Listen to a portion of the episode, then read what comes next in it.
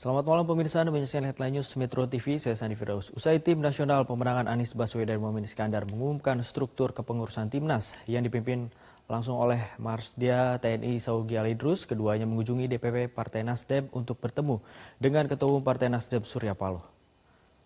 Calon Presiden dari Koalisi Perubahan Anies Baswedan tiba di DPP Partai Nasdem pukul 16 waktu Indonesia Barat didampingi oleh Kapten Timnas Amin Marsdia TNI Purnawirawan Saugi Al Idrus, keduanya disambut oleh Sekjen Partai Nasdem, Hermawi Taslim. Kunjungan tersebut adalah untuk memperkenalkan secara resmi Kapten Timnas Amin kepada Ketua Umum Partai Nasdem Surya Paloh.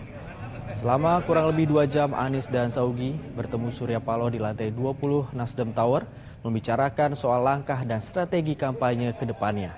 Saat ditanya soal pembagian tugas bagi partai-partai pendukung, Anies menyatakan bahwa hal tersebut sedang dalam pembicaraan. Namun yang pasti seluruh yang tergabung dalam timnas pemenangan Anies Baswedan Muhammad Iskandar memiliki kemampuan bekerja memenangkan pasangan Amin. Tadi tukar pikiran, berdiskusi banyak hal.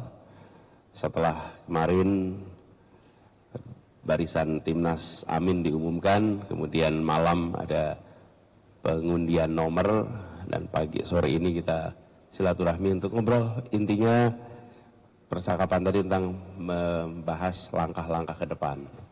Hal-hal apa yang perlu kita antisipasi hal-hal apa yang perlu mendapatkan perhatian hal-hal yang perlu menjadi catatan bagi semua. Jadi kita tukar pikiran dan ngobrol bebas dan setiap kali berdiskusi dengan beliau selalu ada ide gagasan baru dan tadi juga disampaikan ide gagasan baru dari uh, tim untuk sama-sama kita jalankan ke. Jelajahi cara baru mendapatkan informasi. Download Metro TV Extend sekarang.